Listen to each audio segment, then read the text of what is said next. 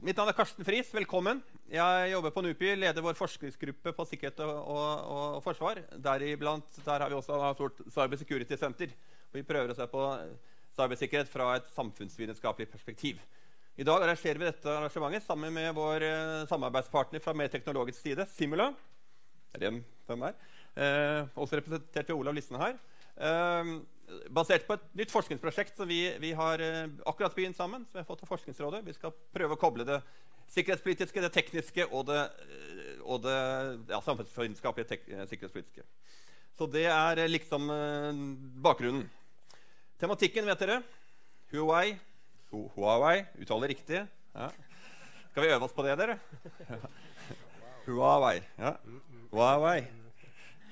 Begynner å nærme deg. Nærme men det, er ikke det viktigste. Det viktigste er tematikken. Um, er det trygt å la dette kinesiske firmaet stå for utbygging av 5G-nettet i Norge? Um, Kina er jo en autoritært land. Uh, mange eksperter mener at det er blitt mer autoritært de siste årene. De har en lov som uh, visstnok sier at, uh, at, uh, at myndighetene kan bruke selskaper til å, til å støtte etterretningstjenestene. Um, det sies at kommunistpartiet er til stede i styrene i mange kinesiske selskaper. Amerikanere som dere vet, har gått hardt ut mot, med, med, til sine allierte og, og, at, eh, og advart mot at man bruker Huawei eller kinesiske selskaper generelt til å bygge dette 5G-nettet. Um, Thorvald Stoltenberg, Nato, har sagt at de ser på dette look at this very seriously, som det heter. Uh, det foregår ting i EU. Australia og New Zealand har allerede forbudt bruk av kinesiske selskaper. Eh, PST som dere vet i Norge, har også uttrykt eh, bekymring om dette.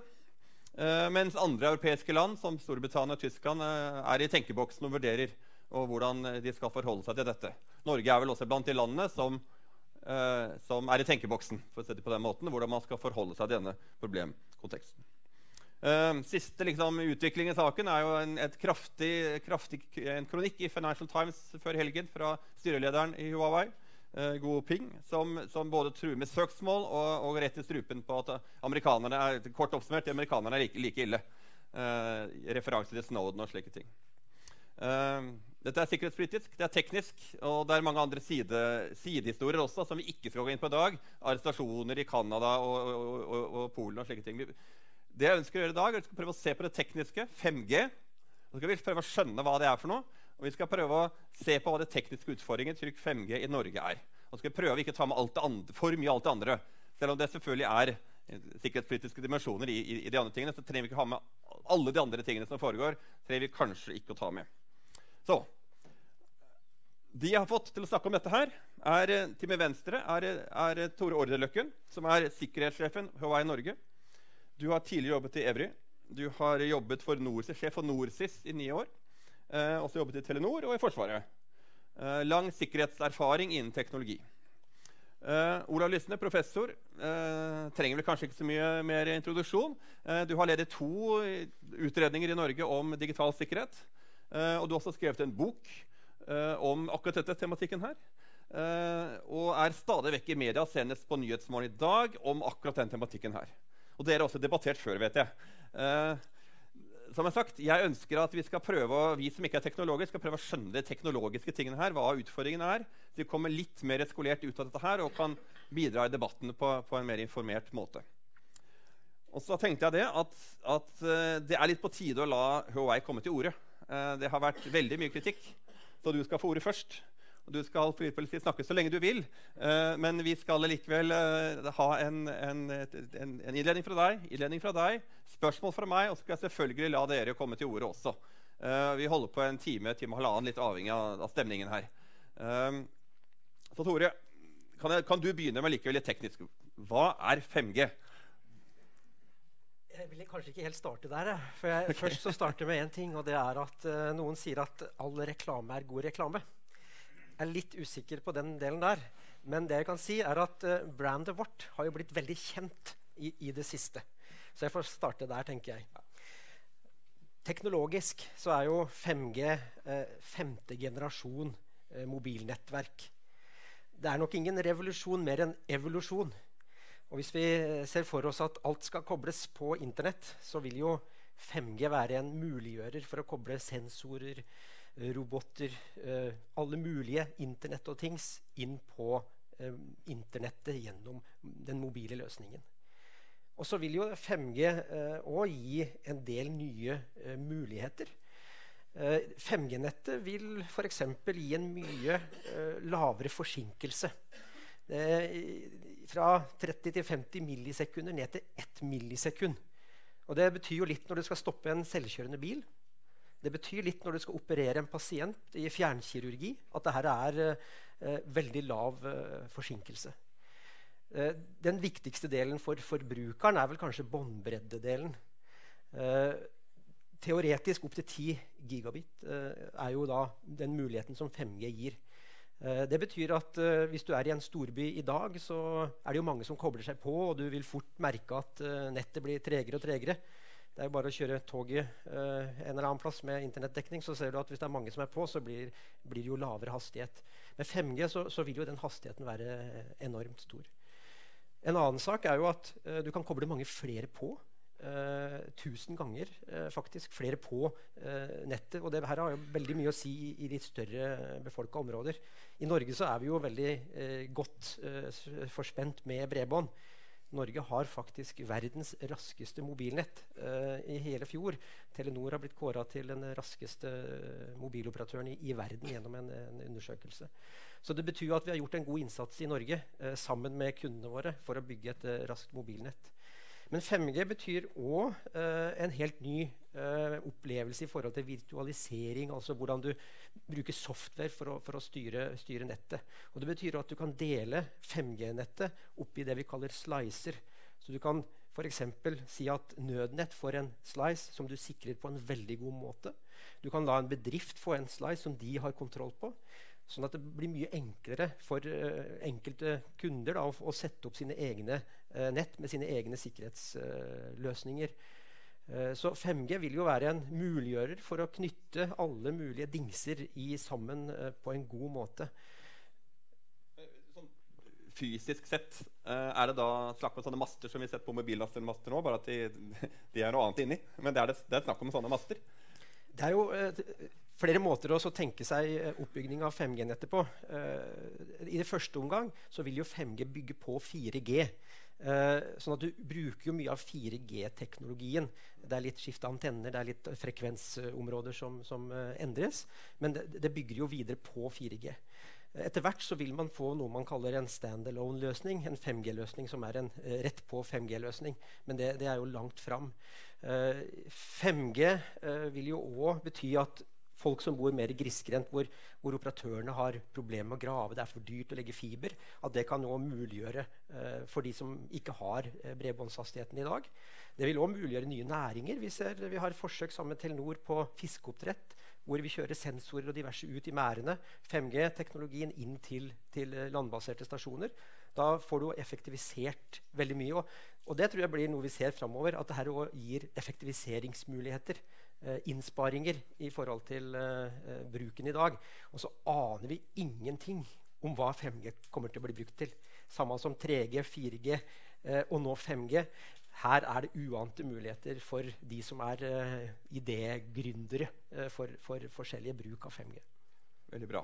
Så hvorfor er ditt selskap et trygg leverandør ifølge deg til dette for Norge? Det har jo vært veldig mange spekulasjoner, eh, mange rykter, eh, mange påstander om, om selskapet.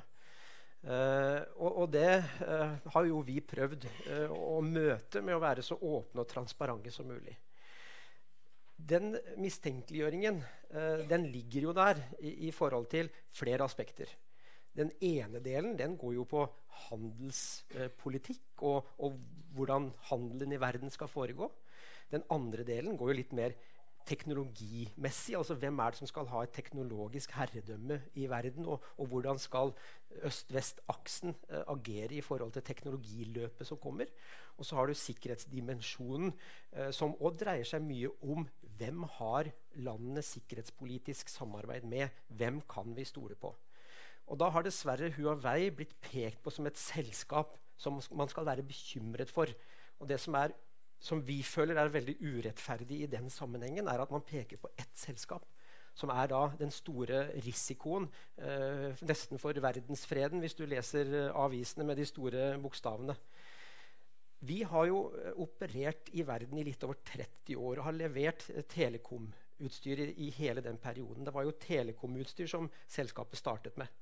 Startet i det små i landsbygda i Kina.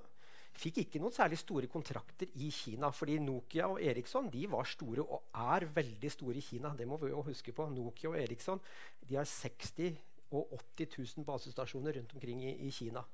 Så vi kom ikke så veldig fort inn på markedet i Kina. Så vi gikk uh, utenfor Kina. Så de største kontrakt og de første store kontraktene som vi fikk, det var utenfor Kina. Og i dag har vi faktisk mesteparten av inntektene våre fra utenfor Kina. Sikkerhet har jo eh, vært et viktig element for oss hele perioden. Hvis vi blir tatt for å ha gjort noe gærent, så vil jo egentlig businessen vår være over. Og vi har levert til alle de store operatørene i verden. Vi leverer til 45 av de 50 største og har gjort det i mange år. Alle de tester oss, verifiserer oss, går igjennom utstyret. De eier jo utstyret, eh, så de kan jo skru og mekke og gjøre hva de vil for å finne ut om det er noe gærent med utstyret. Vi har gjort store endringer i hvordan vi jobber med uh, cybersikkerhet og informasjonssikkerhet. Vi investerer store summer i sikkerhetsarbeidet vårt. Uh, vi, vi, kommer til å gjøre et helt nytt uh, utviklingsløp på vår software. Telekomindustrien der er det jo ikke så store utskiftninger. Det er litt langsiktige løp. Og softwaren har jo fulgt med ganske lenge. Vi vil nå investere over 2 milliarder dollar i en femårsperiode for å gjennomgå hele softwareutviklingsløpet vårt. I tillegg så gjør vi jo mye med den åpenheten og, og transparente eh, måten vår å levere ting på. Det vil si, vi bygger testsentre, verifikasjonssentre, omkring i verden. Vi har, eh, akkurat nå I går åpnet vi et i, i Brussel i Belgia. Vi har et som er sammen med engelske myndigheter, hvor engelske myndigheter egentlig går igjennom det som skal inn i den kritiske infrastrukturen i England. Vi har et sammen med BSI eh, i Tyskland. Og vi jobber nå og skal åpne et eget testsenter i Norge som vi håper å åpne rundt 1.8. Eh, som vi da vil tilby våre kunder og myndigheter komme og teste eh, vårt utstyr og vår kildekode. Så åpenhet, gjennomsiktighet i forhold til hvordan vi gjør ting, hvordan vi lager ting, er jo måten vi prøver å kommunisere at vi er trygge på. For det er jo som vår sjef sier, uh, 'security or nothing'. Altså Hvis uh, vi blir tatt for noe, så er vi ute av business. Hvis noen kommer til oss og sier at vi skal installere bakdører, så vil vi si blankt nei. Det gjør vi ikke. Ikke noen land, ikke for noen lands myndigheter vil vi gjøre den delen i vårt utstyr. Så det at vi nå blir mistenkeliggjort i forhold til at vårt utstyr blir brukt, så er jo det én ting å si. Det er at vi er jo ikke Kina. Huawei er et globalt, internasjonalt elektronikkselskap. Og vi er heller ikke et instrument for kinesiske myndigheter. Og Det er der uh, mye av oppfattelsen blir feil. Vi leverer altså utstyr til våre kunder. I Norge så drifter kundene våre utstyret. Vi sitter ikke med en knapp som noen sier at vi har, eller at myndighetene i Kina har, uh, som gjør at vi kan stenge nettet på en uh, tilfeldig måte. Så vi har jo kunder som stiller strenge sikkerhetskrav til oss som leverandør. de sikkerhetskravene jobber jo vi iherdig med å oppfylle og gjør det vi kan for å tilfredsstille både kundekrav, regulatoriske krav og myndighetskrav som vi blir satt overfor i de 170 landene som vi opererer i.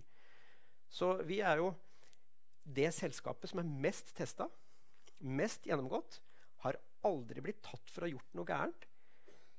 Derfor er jo vi bekymra når den debatten kommer opp, og som går på mye annet enn det vi driver med.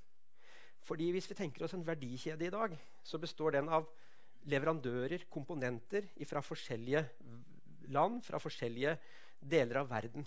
Og Man setter dette sammen, og så leverer man om det er en Apple iPhone, eller om det er et Nokia-utstyr eller en Eriksson-del, så har alle de her komponenter fra Kina eller fra andre land. Det å trekke ut Huawei som den store stygge mener jo jeg da ikke vil redusere risikoen for hendelser. Det er jo andre måter den fremmede etterretningen Det er jo de som vi er redde for. De kriminelle driver der. Og der jobber jo industrien knallhardt for å, for å motstå alle de angrepene. Det er jo fremmed etterretning man er redde for. Og da må man heller jobbe sammen, se på standarder, beste praksiser. Jobbe sammen med konkurrentene våre, som vi gjør. Delta i alle mulige standardiseringsorganisasjoner for å heve sikkerhetsnivået globalt. Og ikke bare peke på at hvis vi plukker ut Huawei, så vil alt bli mye tryggere og sikrere. Eh, det har jeg ingen tro på. Fordi de fleste angrepene i dag de kommer jo ikke gjennom en hardware-del som vi leverer. Det kommer gjennom sosial manipulering, sårbarheter i andre typer programmer. Det er jo der angrepene og de både kriminelle og fremmed etterretning eh, kommer seg inn. Gjerne gjennom uh, alle de her verktøyene som ble lekket fra NSA. De ble jo uh, brukt i stor grad for å drive angrep. Og de her brukes jo da av alle mulige etterretningstjenester. Så jeg tror det at hvis vi skal løfte det opp til et litt mer eh, oversiktlig nivå, så må vi se på en global verdikjede. Det er komponenter fra mange leverandører fra mange land. Lenovo er kinesisk. Apple har fabrikker i Kina. Nokia har fabrikker i Kina. Det er vanskelig for meg å skjønne å plukke ut én enkeltleverandør vil eh, gi noen bedre sikkerhet. Og jeg mener at det vi har levert i Norge i over ti år, har bevist at vi er å stole på. Ok, takk. Det, det høres jo overbevisende ut det for oss som sitter og hører på. Uh, men, men, vi er ikke teknolog, så det, vi må jo da spille ballen over til, til den som uh, er teknolog, og som sier om det. Er alt dette som Tore nå snakker om, altså globale verdikjeder, uh, regler, standarder? Veldig mye av dette er jeg helt enig, enig, med ham i. Og det er veldig mange som prøver å, å, å, å putte meg inn i en ramme hvor jeg er, er tung opponent til, til, til Tore. Uh, så er nok min rolle noe annen enn det. Uh, men jeg har lyst til å, å dra, se, ta et litt historisk perspektiv jeg, som forklarer hvorfor, hvorfor, det, hvorfor, er det vi sitter midt oppi den diskusjonen som vi er i nå. Og Da vil jeg gå tilbake til Syria. September 2007. Da var det et israelsk flyangrep på noe man tro, trodde var en, en kjernefysisk installasjon i Syria. Uh, det var mange slike angrep. Det som var spesielt med akkurat dette angrepet, det var at bare to minutter før angrepet fant sted, så sluttet de syriske radarene å virke. Det fikk veldig mange til å begynne å spekulere i om ha, var det noen som kunne, kunne, kunne, kunne, på avstand slå av eller ødelegge disse, disse radarene. Så var det intens spekulasjon en stund. Og så kom det etter hvert noe som vel kunne karakteriseres som rykter om at det var en europeisk chipmaker, altså en europeisk fabrikant av chipper, som da på, påstås det, skulle ha lagt inn en kill switch, altså noe som tillot uh, israelerne å slå av disse radarene to minutter før flyet kom. Uh, den historien kan man spekulere veldig mye om, men det mest interessante i den er ikke spekulasjonen på hvorvidt den er, sann eller ikke sann. Det mest interessante med den historien er at ja, dette fant vi aldri ut av. Det lot seg altså ikke gjøre å sjekke, sjekke disse skipene etterpå, sjekke dette utstyret etterpå for å se hva var det som egentlig hadde skjedd her. Det lot seg altså ikke gjøre. Det skal vi merke oss. Fordi i historien av, av, av, av, utvikling av redskaper, og all IKT-utstyr er jo redskaper, så har det vært slik at noen har laget redskaper, det har vært handelsvare, men vi har jo aldri bekymret oss for ja, i steinalderen om den steinøksen jeg kjøper eller bytter til meg, om den plutselig kunne begynne å, å slå meg i hodet istedenfor. Det behøvde ikke bekymre oss for. Uh, og vi behøver ikke bekymre oss for, for, den typen ting i lang tid. Selv ikke når ting ble mer, mer, mer komplekse. Biler ja, de lot seg plukke fra hverandre og, og undersøke metallene i en tanks? Ja, samme. Og så er det nok sikkert mange i Norge som etter hvert lurer på hvordan man lager fregatter. Men, men uh, det er en helt annen historie. Uh, men så har vi altså kommet dit hen nå at vi snakker om elektronisk utstyr. Og så vet jeg at mange av dere nå sitter med en, en, en Windows laptop på fanget. Iallfall noen av dere gjør det, ser jeg.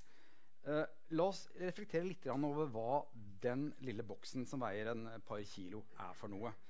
Der er det altså teknologilag på teknologilag på teknologilag før vi kommer ned til de fysiske fenomenene som tillot oss å bygge dette utstyret i utgangspunktet. La oss ha utgangspunkt i bare én av disse teknologilagene. Windows operativsystemet.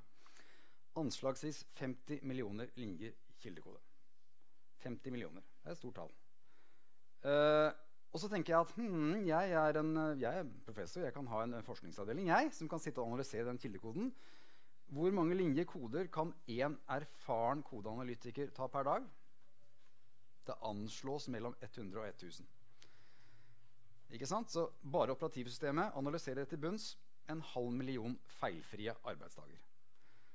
Og det må også være ferdig i veldig god tid før neste softwareoppdatering kommer. for da må man altså gjøre det hele på nytt. Og så er det altså sånn at ja, men da er vi bare ferdig med ett av teknologilagene. Uh, vi har ikke begynt å se på chipene ennå. En, en, en Intel-CPU. Noen milliarder transistorer. Altså milliarder. Noen tusen millioner transistorer. Og hver enkelt en kan ha en liten svakhet i en, i en, i en liten link som gjør at et eksternt signal overbelaster den linken, så brenner den av, og så virker ikke chipen lenger. Og så skjønner vi at ja, nå har vi kommet dit at det å analysere sånt utstyr til bunns for å finne ut er det noe gærent her, det får vi ikke til lenger. Uh, og der får vi dette problemet som vi av og til omtaler som et problem fra helvete. Altså, vi er altså i den situasjonen at Tore her uh, All grunn til å tro at han prøver ærligste mulig måte å bevise at utstyret til, til Huawei har ikke noe gærent i seg. Men det er veldig lite han kan gjøre for å bevise dette. Han har, han, det, det, er, ikke, det, er, ikke noe matematisk bevis. Det er ikke noe, noe som kan demonstreres, som legges, legges, i bordet, og som viser at her er det ikke noe gærent. Likeledes står altså vi som kjøper dette utstyret, og kan heller ikke sjekke det. Og der står saken. Og den er like vanskelig fra begge sider. La oss være helt tydelige på det. Den er like vanskelig for oss som skal kjøpe utstyret, som den er for de som skal selge utstyret. Vi, har rett og slett vi er satt i en situasjon som ingen av oss ønsket oss, men som er sånn at selve den handelen den må altså baseres på noe nær blind tillit. Det er det ubehagelige her. Og så kommer spørsmålet jaha, er det noen som har benyttet seg av dette da tidligere. Eh, er det slik at vi kan anta at ja, men dette er det virkelig ingen som vil benytte seg av? Og den historien jeg begynte med her, Syria-eksempelet, ja, det vet vi ikke. Det det er med respekt å melde bare spekulasjoner. Vi vet ikke. Men det er andre tilfeller. Amerikanerne har jo vitterlig gjort akkurat det som mange nå er engstelige for at kineserne gjør. Uh, Snowden-dokumentene, de dokumentene som, som, Snowden valgte å gjøre tilgjengelig for pressen, der går det tydelig fram at amerikanske myndigheter hadde satt Cisco, altså en leverandør av telekomutstyr, i en situasjon hvor deres utstyr ble misbrukt til å spionere på Cisco sine kunder og sende informasjon tilbake til NSA i USA. Uh, den historien er så langt jeg kan se, ikke bestridt av noen. Uh, så det er grunn til å tro at det er riktig. Hva mer har vi eksempler på? Ja, Dieselgate husker kanskje alle sammen. Volkswagen hadde noen chipper som styrte dieselmotoren eh, på en sånn måte at det rent, rent ut sagt var svindel. De, som, de, ingeniørene som laget den chipen, de kunne gjøre, gjøre det i en slags forvissning om at ja, dette ville ikke bli oppdaget. Så ble det likevel oppdaget, men ikke analyse, gjennom analyse av chipen, men med analyse av hvordan bilen rent faktisk oppførte seg. Flere eksempler. Det har vært uh, et selskap, uh, faktisk kinesisk uten at det spiller noen rolle her, som heter Adups, som uh, leverer software til Android-telefoner. Og det ble da oppdaget at disse Android-telefonene lekket tilbake til Kina Uh, fulle adresselister, fulle SMS-er med innhold og det hele. Uh, denne historien er bekreftet også av Adup selv. Uh, og det at, det at, disse telefonene ble solgt i USA, det blir karakterisert som en glipp. Det var egentlig bare ment for det kinesiske markedet. Uh, og, og, der står på en måte saken. Nå, nå, nå, står vi der vi står. de som ønsker å selge utstyret, har ikke mulighet til å bevise sin ærlighet. Vi som skal kjøre, kjøpe utstyret, har ikke mulighet til å undersøke utstyret til bunns. og så er det altså sånn at vi er et lite land, og vi skal kjøpe utstyr til 5G. Uh, og så er det veldig mange som da mener noe veldig veldig sterkt om hvordan vi skal håndtere dette. Det jeg først og fremst er opptatt av, det er at la oss nå ikke lure oss inn, den, inn til å tro at dette utstyret det kan vi undersøke. For det kan vi rent faktisk ikke. Jeg har jo allerede noen uh, svar på noen av uh, påstandene, eller i hvert fall uh, en fakt, dine faktaopplysninger her. Og, og, det er jo bra. Jeg kan si først litt hva er det vi gjør da, for å prøve å forhindre at noe gærent skjer. Og, og noe av det dreier seg jo om mange hender, mange øyne. Uh, det er ingen som gjør ting alene. Uh, alt blir revidert, gjennomgått uh, flere ganger.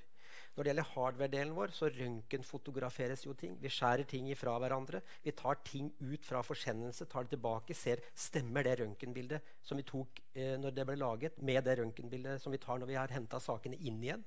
Forsegling av utstyr under forsendelse. Så, så det gjøres store grep for å verifisere at eh, vårt uh, hardwareutstyr ikke blir manipulert. Så uh, jeg er heller ikke helt enig i det at det er helt umulig. Det, det, er klart, det er, svært vanskelig. Vi har hørt om riskorn og, og, og påstander om forskjellige ting i, i amerikanske medier som har blitt imøtegått i senere tid. det å installere noe Klart du kan få en utro ansatt til å gjøre et eller annet. Men du verden, det skal ganske mye ressurser til Eh, for å både få det inn Og det som skal til for å få aktivisert det her, vil jo òg kreve ekstreme ressurser. Så det finnes jo òg noen metoder i forhold til å finne ut når noe blir aktivisert. Så vil de jo starte å sende. Så det finnes òg en del av den type eh, teknologi som kan være med å detektere. Og når du nevner, Det er jo flere eksempler på, på, på, at gærne ting skjer. Jeg vet at Italienske myndigheter nå, eh, forbrukermyndighetene i Norge og flere sier det samme om eh, Google. Og at de, eh, om man slår av GPS-en sin, så sender fortsatt Android-telefonen data til USA. Slår du på privat browsing, så sender fortsatt Android-telefonen data til USA. Eh, amerikanske selskaper ser litt annerledes på GDPR enn en Europa gjør. Og, og, der kan jeg si at Huawei har investert ekstremt mye i det å ivareta GDPR-delen. Det vil si at våre telefoner som man bruker her, datasentrene våre er i Europa. Det går ikke noen personinformasjon fra våre telefoner ut av Europa. Det er ekstremt viktig for, for vårt selskap å ikke bli tatt for å, å ha gjort den slags uh, ting. Så det er flere eksempler på hvis vi ser på GPS og forstyrrelser uh, som skjer i Nord-Norge, at uh, man kan slå av utstyr. Du nevnte slå av radarer. Vi ser jo altså at russerne slår av GPS-signalene, sånn at det, det, skader vår sivile luftfart og ambulanseflyvning osv. Så, videre. så ja, trusselbildet, trusselaktøren er der. De kriminelle, det er etterretningstjenestene, det er de som ønsker å påvirke. Alle de er der. Og det vet vi, de får vi gjort svært lite med. Det vi må gjøre, er jo å få de tiltakene på plass i våre systemer, kritisk infrastruktur, på PC-ene, på mobilene, som, som, i enda større grad står imot de angrepene. Og det er jo der vi investerer store summer. Vi er jo nummer fem av selskapene i verden på investering til forskning og utvikling. 15% går til forskning og utvikling, og vi hadde en omsetning på over 108 milliarder dollar i fjor. 5% av de 15 går til forskning på cybersikkerhet.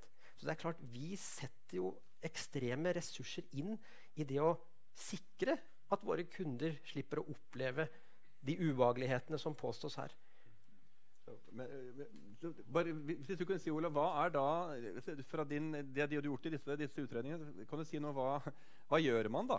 Altså, hvis jeg forstår det, ja, så kan man selvfølgelig heve terskelen. Men du, du, ifølge deg kommer vi aldri helt til topp. Vi aldri være helt sikre. Det kan dere være mer eller mindre uenige om hvor høyt den terskelen går. men det er vel litt der det koker ned til. Ingen er 100% sikre. Det tror jeg vi kan være enige om. Så da er spørsmålet hva gjør vi? Hva gjør et lite land som, som Norge for å, for å, bedre sikkerheten da? Ja, da må jeg gjøre det som jeg blir nødt til å gjøre veldig mange av disse debattene. og bare gjøre oppmerksom på at jeg også er, er, har en rolle som rådgiver for, for, departementet i dette spørsmålet. Og jeg skal nok gi rådet mitt til dem først. Uh, men det jeg kan si er at Fra et akademisk ståsted. Det, det, det, ikke sant? Men, men, det jeg kan si er de tingene jeg har sagt tidligere om dette, som jeg sa i, i, i, i Lysne 1, uh, eh, og som vel også står i boka mi, det er at den eneste må, altså, Gitt det jeg sa i sted, når vi aldri får undersøkt dette, dette utstyret, så er vi, er vi, også i den situasjonen at vi må stille oss spørsmålet om, om hvem, hvem, vi stoler på. Hvis svaret på det er at vi stoler ikke på noen, og der, der har Tore et veldig godt poeng altså, skal, skal, vi stole på kinesere som, som, som vel er hans problem? Uh, eller skal vi stole, som ikke er blitt tatt i å gjøre noe galt? Virkelig ikke. Eller skal vi stole på andre land, kanskje USA, som vitterlig er tatt i å gjøre akkurat det vi frykter at, at, at Huawei gjør? Ja, Det er jo ikke et enkelt spørsmål å besvare. Uh, det er det jo virkelig ikke. Uh, så det, det, jeg la meg på både i Lysne 1 og i boka, det var at, at vi, må, vi, må, sikte oss inn, prøve å sikte oss inn mot en situasjon her i landet som er slik at i det øyeblikket vi skjønner at det var en leverandør som vi ikke kunne stole på, ja, så kan vi faktisk slå av det utstyret og fremdeles ha et land som er mulig å drive. Uh, og det, det, krever en grad altså det, det, er ikke, det, er veldig banalt enkelt å si. Og så er det på ingen måte enkelt å gjøre. Det tror jeg de av dere som er teknologer her i salen kan skrive under på. Men jeg tror likevel at det er dit vi må. For det å komme, komme, komme dit hen langs de linjene som, som, som Orderløkken her drar fram, med, med, undersøkelser, med standarder, med å, å, å kjøre X-ray gjennom chipper osv., eh, det fører ikke fram. Eh, hadde det ført fram, så hadde vi naturligvis gjennom de virkemidlene løst alt som heter cybertrusler her i verden. Og vi hadde ikke hatt noen ting lenger. Eh, det har vi jo ikke gjort. Uh, og det er jo klart at det er slik at, at, at det å det å være og vi, vi, vil være naturligvis være helt enige om enige i at, at, det er veldig mange man kan være redd for. Man kan være redd for russere som jammer GPS-er. Man kan være redd for etterretningstjenester som bryter seg inn i systemene våre. Uh, men det som er forholdsvis opplagt, er at de som har laget systemet, de er jo inne i systemet allerede. Så for dem så er all de måtte ønske å gjøre gærent, vesentlig enklere enn det vil være for de som står utenfor og prøver å bryte seg inn. Og så vil jeg, være, jeg har lyst til å si en ting at Dette problemet her er ikke, er ikke bare, bare, et Huawei-problem. Jeg mener dette er et globalt problem. Og jeg vil være også helt enig med Orderløken i at det er i og for seg litt pussig at, at, at all, all, diskurs rundt dette dreier seg om Huawei. Fordi dette problemet gjelder uansett hvilken leverandør vi skulle velge. Vi blir nødt til å, å ha like blind tillit uavhengig av hvem vi velger. Så langt på vei så er dette et spørsmål om hvem vi velger å stole på. Teknisk spørsmål. Bare, må man velge en, eller kan man differensiere? Kan, ha, kan, kan flere levere nett samtidig? Eller, eller kan, er det flere komponenter, eller, eller leverer dere hele pakka? Her er jo det fine med standarder. Eh, at ting snakker sammen. Et eksempel. Korea har jo veldig god forbindelse med USA. De har uh, baser i Korea. Korea har sagt at Huawei kan få levere uh, 5G.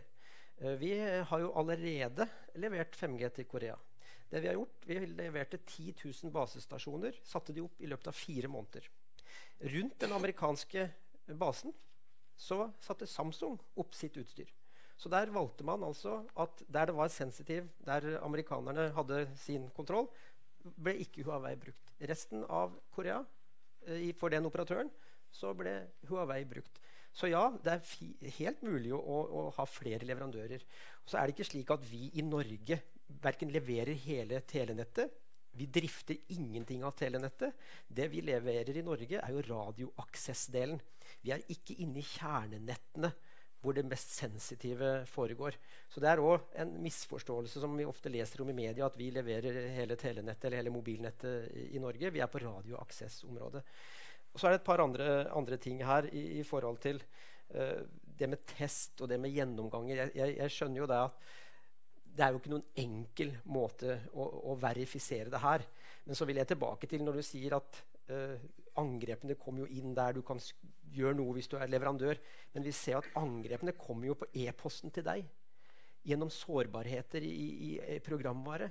Så vi må ha, ikke bare ha fokus på de hardware-delene når det gjelder angrepene som er ute der. De trusselaktørene de, bruk, de, de, finner den enkleste veien inn. Og den er ofte ikke gjennom hardware-delen. Den er gjennom uh, vår, uh, vår, bruk av, av nettet, uh, sosiale medier, sosial manipulering, som jeg nevnte. Klikk på en lenke, åpne et vedlegg.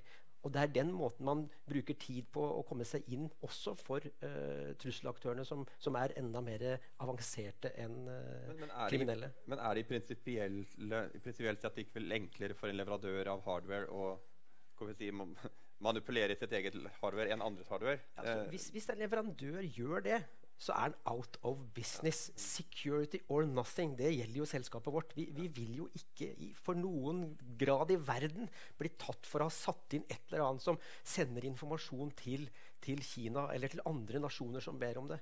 Og, og selskapet vårt bruker jo heller aldri dataene eller den personlige informasjonen som ligger i systemene, for å tjene penger. For vi mener jo at det er kundene sin informasjon, i motsetning til en del av, av de store amerikanske selskapene som, som, tjener store summer på den informasjonen som ligger i systemene.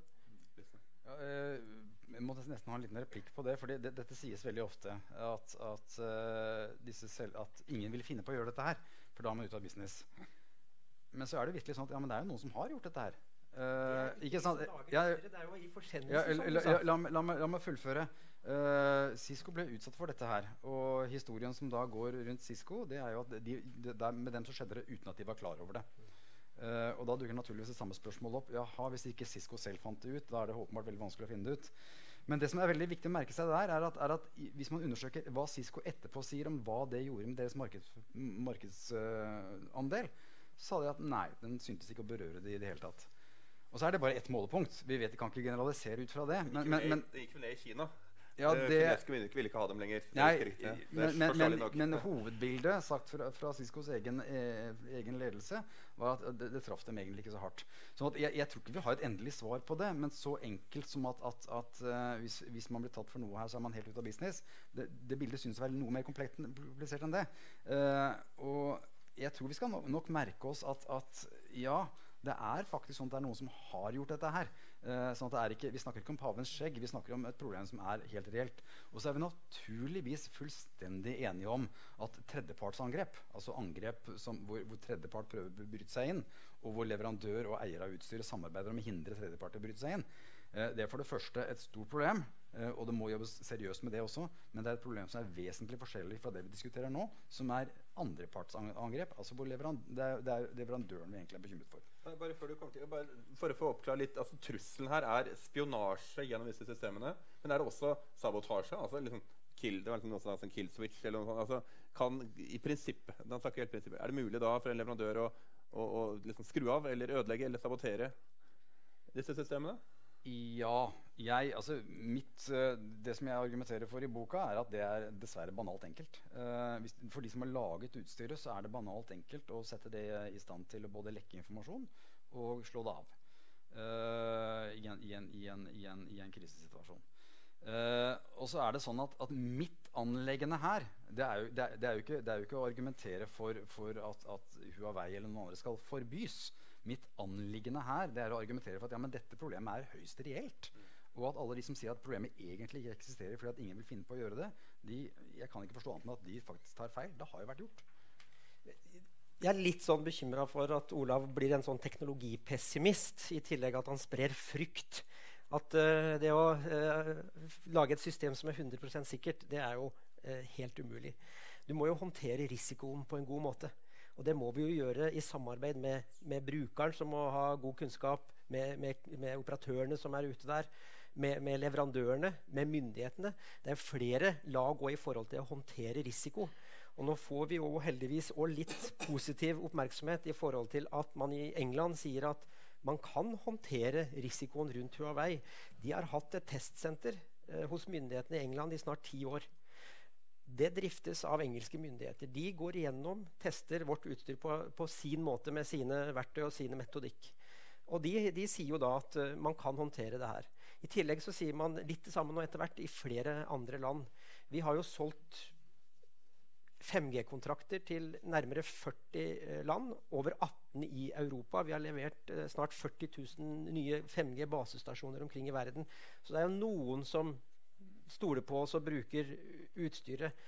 Sånn at eh, det er litt sånn svart-hvitt, særlig den norske debatten, i forhold til eh, om man kan stole på oss eller ikke. Og en av dine kolleger som, som også sa det at ja, hvis vi skal stole på noen eller ikke stole på noen, så vil vi heller stole på USA. Men jeg mener jo at Norge som, som en land de bør stole på seg sjøl og sette inn de sikkerhetstiltakene og den risikovurderingen rundt uh, 5G-nettet på en god måte. Og vi vil som leverandør selvsagt oppfylle de sikkerhetskravene som kommer. Men jeg mener jo ikke det at man skal stenge ute en leverandør med, med, bakgrunn i opprinnelsesland, når hele verdikjeden består av komponenter og fabrikker som ligger òg i Kina, så blir den debatten litt vanskelig. Hvorfor ikke da bruke en PC med komponenter fra, fra Kina, eller fra Nokia, som har et komponent fra Kina, som en del av en angrepsbølge inn mot Norge, istedenfor bare å peke på, på Huawei, som jeg har sikkert gjentatt et par ganger nå jeg er teknologioptimist eller pessimist. Det får bli opp til hver enkelt en å vurdere. Jeg noterer meg ditt syn på det. Men, men, men eh, så, så, må jeg nesten korrigere én ting. Eh, dette, dette HC-SEC i, i, i, England, eh, som du sier er driftet av engelske myndigheter, det er altså et senter, bare, det er altså et senter som, som på sett og vis skal typegodkjenne utstyr før det blir introdusert i, i institusjoner i UK. Uh, og så er det sånn at det, det, er vel ikke helt nøyaktig at det driftes av, av, av engelske myndigheter. Det, det, er, det er et, det. Uh, ja, fortell, ja, gjør det. Ja. Det senteret det har ansatte uh, fra Huawei. Men de ansatte som er, jobber i det senteret, er engelske, sikkerhetsklarerte, godkjente av engelske myndigheter. Så det er ikke slik at vi kan plukke ansatte fra forskjellige Og, og de leverer da testrapportene til operatørene i England.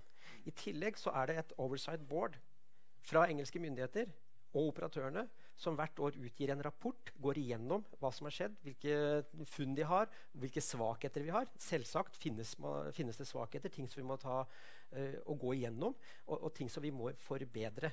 Men det her er på UK Government sine prinsipper. Det er ikke et senter som, som vi har uh, ansvaret for, annet enn at vi lønner og har betalt for senteret. Resten er i regi av uh, engelske myndigheter også få lov til å ile til å si at, at dette er tungt kontroversielt, er tungt kontroversielt også i UK. Det anses ikke som uproblematisk der heller. Jeg tror Det blir omtalt som, det er det eneste plassen vi har som, den type som, som feeble at best. bra var vel det ordet som ble brukt av, av ja. Jeg har, jeg har en artikkel foran meg from akkurat der. Det står at uh, en rapport som de kom med, Den siste rapporten de kom i juli 28, så står det at uh, uh, de konkluderer at repeated discovery of critical shortfalls Uh, og det de peker på at det er mange ting som er vanskelig. Blant annet så er det da underleverandører til Huawei som man er, skal, skal, slutte med oppdateringer i 2020, eh, som gjør at det er problematisk å kunne garantere. Så, så der er eksempel på disse verdikjedene ja. dine. Det men, men, det viser også at det tydeligvis er vanskelig å nå den der, altså, Vi kommer aldri opp i taket. Nei, og det gjelder jo sant, Du nevnte Microsoft og, og, sikkerhet. Hvis vi ser Microsoft-historien, så er jo ikke den bare sikker, for å si det enkelt. Men de har jo investert veldig mye penger for å forbedre sin sikkerhet. akkurat på samme måten som vi gjør. Det var to funn i den rapporten som du nevner. Og en av funnene der var hvordan vi håndterer eh, management-delen av tredjeparts software-del. Og, og, Noe av grunnen til at vi investerer 2 milliarder dollar nå, det er jo for, for å forbedre hele det løpet. Så det iverksettes jo store tiltak i forhold til det å, å ta tak i de funnene som, finnes, som da den Oversize Board-rapporten i England. Det løfter jo oss, og det løfter jo eh, operatørene i England på en god måte for å håndtere sitt utstyr på, på best mulig måte. Kan jeg, kan jeg, stille et spørsmål? Uh, fordi, ja, uh, til, til, til Orderløkken, fordi langt på vei så, så, så, er vi enige i mye her. Blant annet, jeg tror at Det beste poenget jeg synes du bringer til seg, er dette med verdikjedene. Altså Hvis man tar et hvilket som helst stykke utstyr som vi har her, og plukker det fra hverandre, så vil du se biter inni der i nesten alt sammen som er produsert i Kina. og Det har du aldeles rett i. Uh, men er det da ditt syn altså, Dette er et ja-nei-spørsmål. Du får lov til å svare så du, lenge du vil. naturligvis Er det ditt syn at, at uh, vi skal slutte å bekymre oss om hva en leverandør kan finne på å ha lagt inn i det utstyret vi kjøper? Nei, tvert imot. Du må stille krav.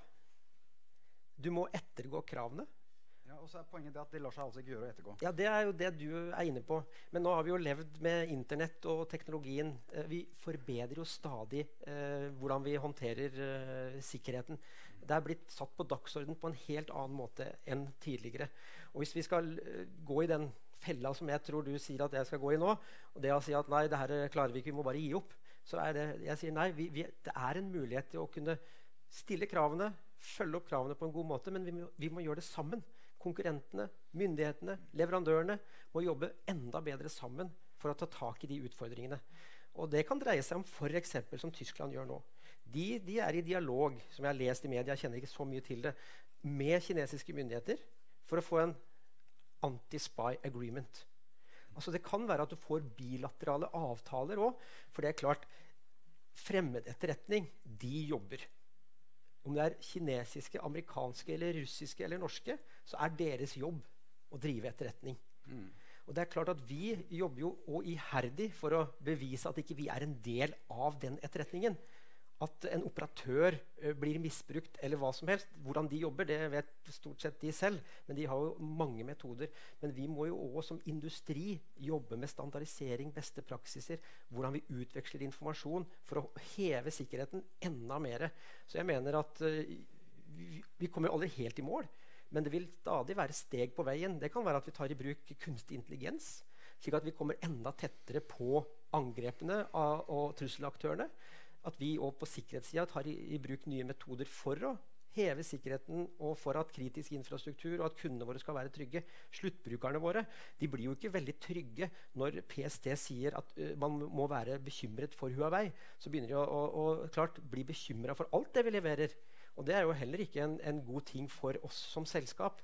At uh, de påstandene som er ute der nå, uten at det er veldig bevist eller at det har kommet fakta, men det er en sånn Kanskje kan kinesiske myndigheter pga. noen lover som vi òg har gjennomgått med tre advokatselskaper Og i de lovene så står det ikke at kinesiske myndigheter kan komme på vår fabrikk og putte inn noe. Det er, det er, og det har jo til og med eh, en minister i Kina òg uttalt at det er jo ikke det som står i den loven. Så uh, litt sånn uh, uh, tvilsomt. Det ble et veldig bra ja- nei-spørsmål, tenker jeg. Ja. men, men du du nevnte i stad sikkerhetsavtaler. Land, det, og det har vært i debatten her. Det er, det, er, noen land vi har sikkerhetsavtaler med, noen vi ikke har det med. Vi har med allierte, og vi har det med Sverige og Danmark og europeiske land. Og sånt, men ikke med Kina. Uh, for det er jo mange som har ment at altså, Frykten her er jo hva som kan skje i framtiden. Eh, kanskje ikke spionasje i dag, men kanskje at det kan skje i en mer tilspisset situasjon om noen år framover i tid. at dette kan da hvis først den infrastrukturen er der, så kan det misbrukes uh, som et politisk verktøy. og Uansett om dere vil eller ikke. sånn arm wrestle. Men, men, men hva, altså dette med sikkerhetsavtale, er det som du nevnte er det, eh, Jeg vet ikke om Norge kan få sikkerhetsavtale med Kina. Eller, altså, det, kan du si noe om det? Nei, fordi vi er jo et, eh, et privat selskap eid av de ansatte. Eh, så vi har jo ingen den type relasjon til myndighetene som noen påstår. Det er heller ingen uh, sånn uh, kommunistpartikomité i, i, selskapet. Men, men, klart, vi bringer den type til torgs i, i vår ledelse som diskusjonsgrunnlag. Det, det, det, er jeg helt sikker på, på skjer. For det her er jo ting som uh, vi, vi leverer til de store operatørene de kommer jo til oss og spør liksom, hvordan skal vi best mulig ivareta sikkerheten slik at våre kunder er trygge. Og Da er det jo flere forhold. Det er sikkerhetsløsninger, det er testing, det er bilaterale avtaler. Det er øh, kanskje diskusjon da rundt en sånn antispy-avtale, men det må gå mellom myndighetene. Det er ikke vi som selskap som ligger i, i føringen i å ta den diskusjonen. Det er jo Merkel som har starta den diskusjonen i Tyskland. Jeg kan jo gjerne se at Erna kan starte den samme her. Fordi jeg òg var i Kina eh, sammen med, med kongen og dronningen. Og, og, på rekke og rad så var det norske firmaer som var oppe og signerte samarbeidsavtaler. Det var teknologiselskaper, det var uh, industriselskaper, det var fiskeprodusenter. Uh, alle ministrene som var der, roste jo samarbeidet opp i skyene og, og øk innsatsen, gjør mer. Og så kommer jeg hjem, og så er det et par andre departementer som er helt uh, på den andre siden. Vi må ikke gjøre noen sånne avtaler med, med, med, med Huawei eller med kinesiske. Så, så det er klart, handel, politikk, sikkerhet det er, det er, eh, mange aspekter. Og jeg tror òg at eh, det er ganske mange underliggende motivasjoner og argumenter som ligger der, som ikke er eh, kommet opp i, i dagen. Og det er jo litt vanskelig for oss når ikke vi får være helt med i den underliggende diskusjonen.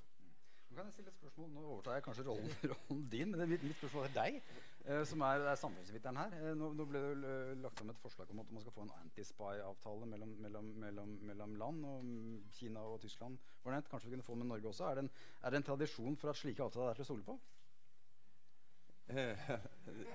Det har jeg ikke forsket på.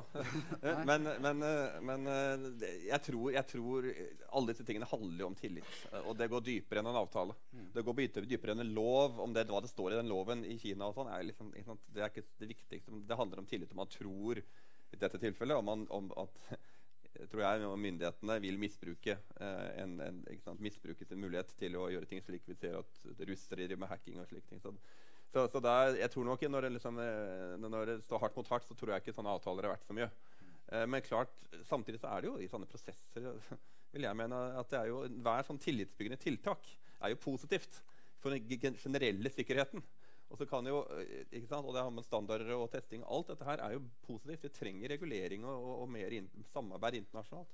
Så, så, så, men spørsmålet er jo da om det er nok. Og, og hvis jeg kan spille nå for å spille tilbake igjen til, til deg for at Alternativet er f.eks. Eriksson. Mm. Uh, det er sikkert komponenter fra Kina, som, som du sier. Uh, men, men uh, de er jo da svensk, svenske. Der har vel, det de stoler vel på, gjør vi ikke det?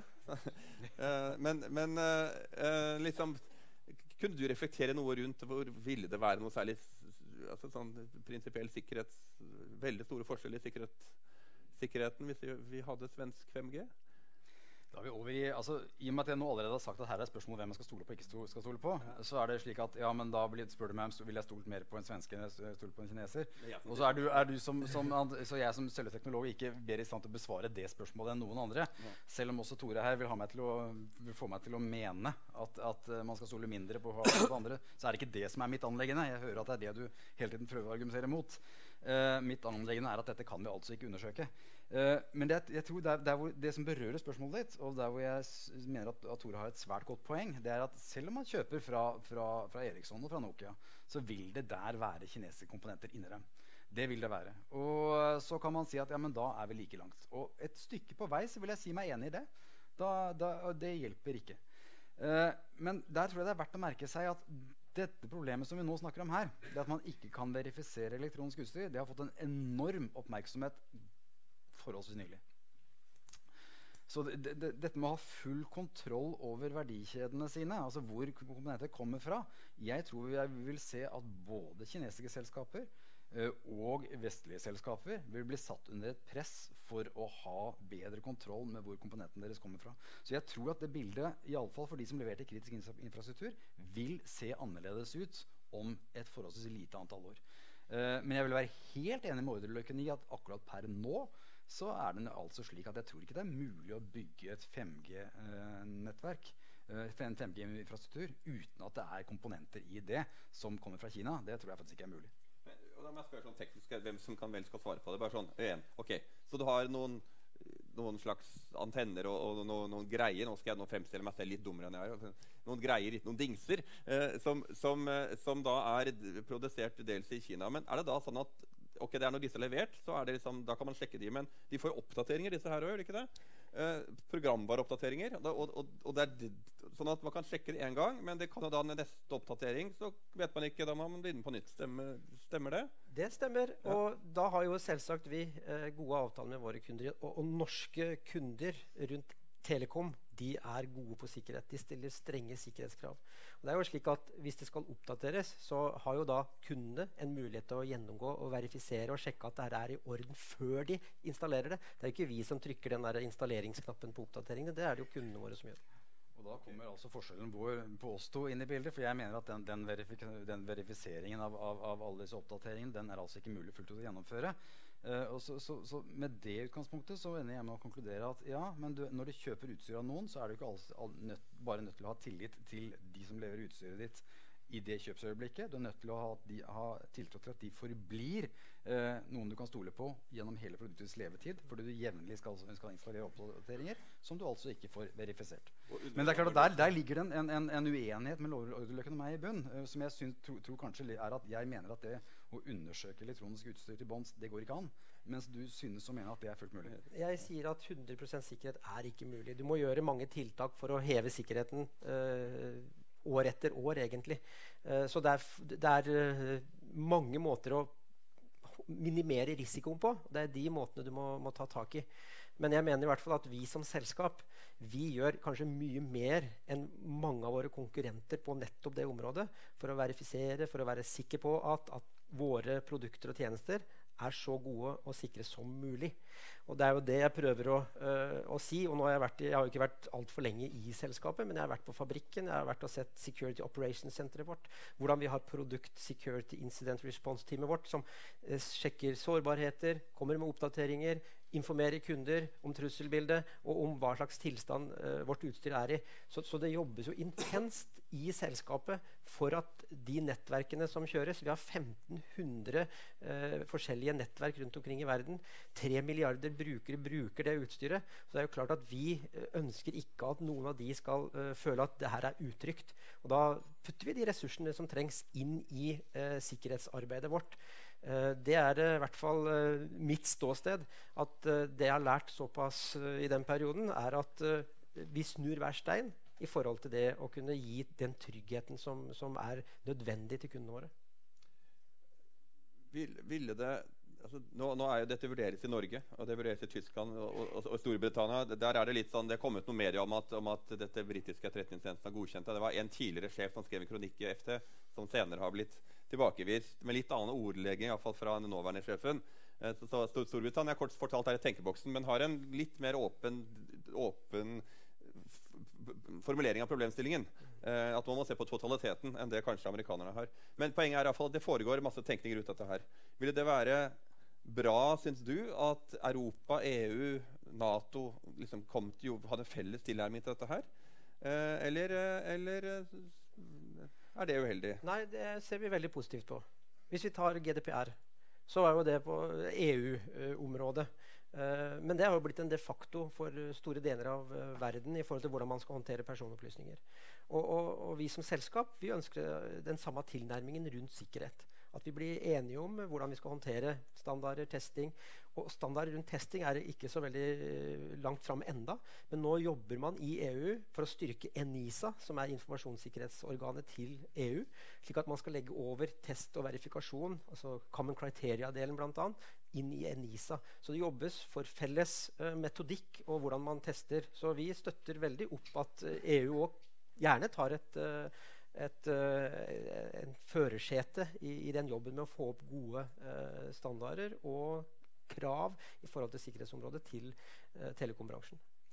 Jeg vil være helt enig i det. At det vil være en stor fordel om, om et stort overnasjonalt organ, Nato, EU, gjorde et, et, felles grep rundt dette.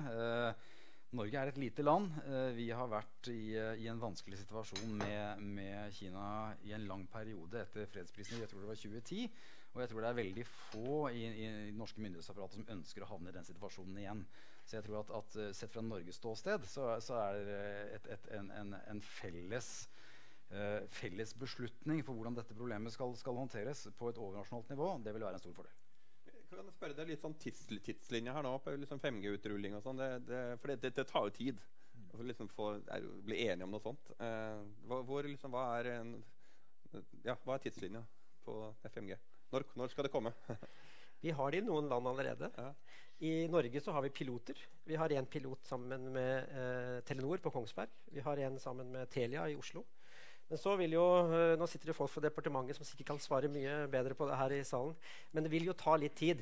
Punkt 1. Du må ha terminaler som virker på 5G. Du må ha utstyr som kan kobles til 5G. Vi kan, eh, hvis frekvenser og alt eh, er på plass, rulle ut rimelig kjapt. Men det er altså hva som skal koble seg til. Og så er det noen standardiseringsjobber som må, må gjøres. To til tre til fem år. Fra fra nå. Eh, jeg vil takke dere for alle for at dere kom. Eh, dette arrangementet vil også ligge ute på YouTube eh, etterpå, så dere kan se, gå tilbake og se hva som ble, ble sagt. Og så kan dere også følge med på NUPIs hjemmesider på andre arrangementer i senteret vårt. Vi har stadig vekk ting. Så da er dere velkommen til å komme dit også, eller se det på Internett. Så tusen takk for at dere kom. Og gi best takk. takk.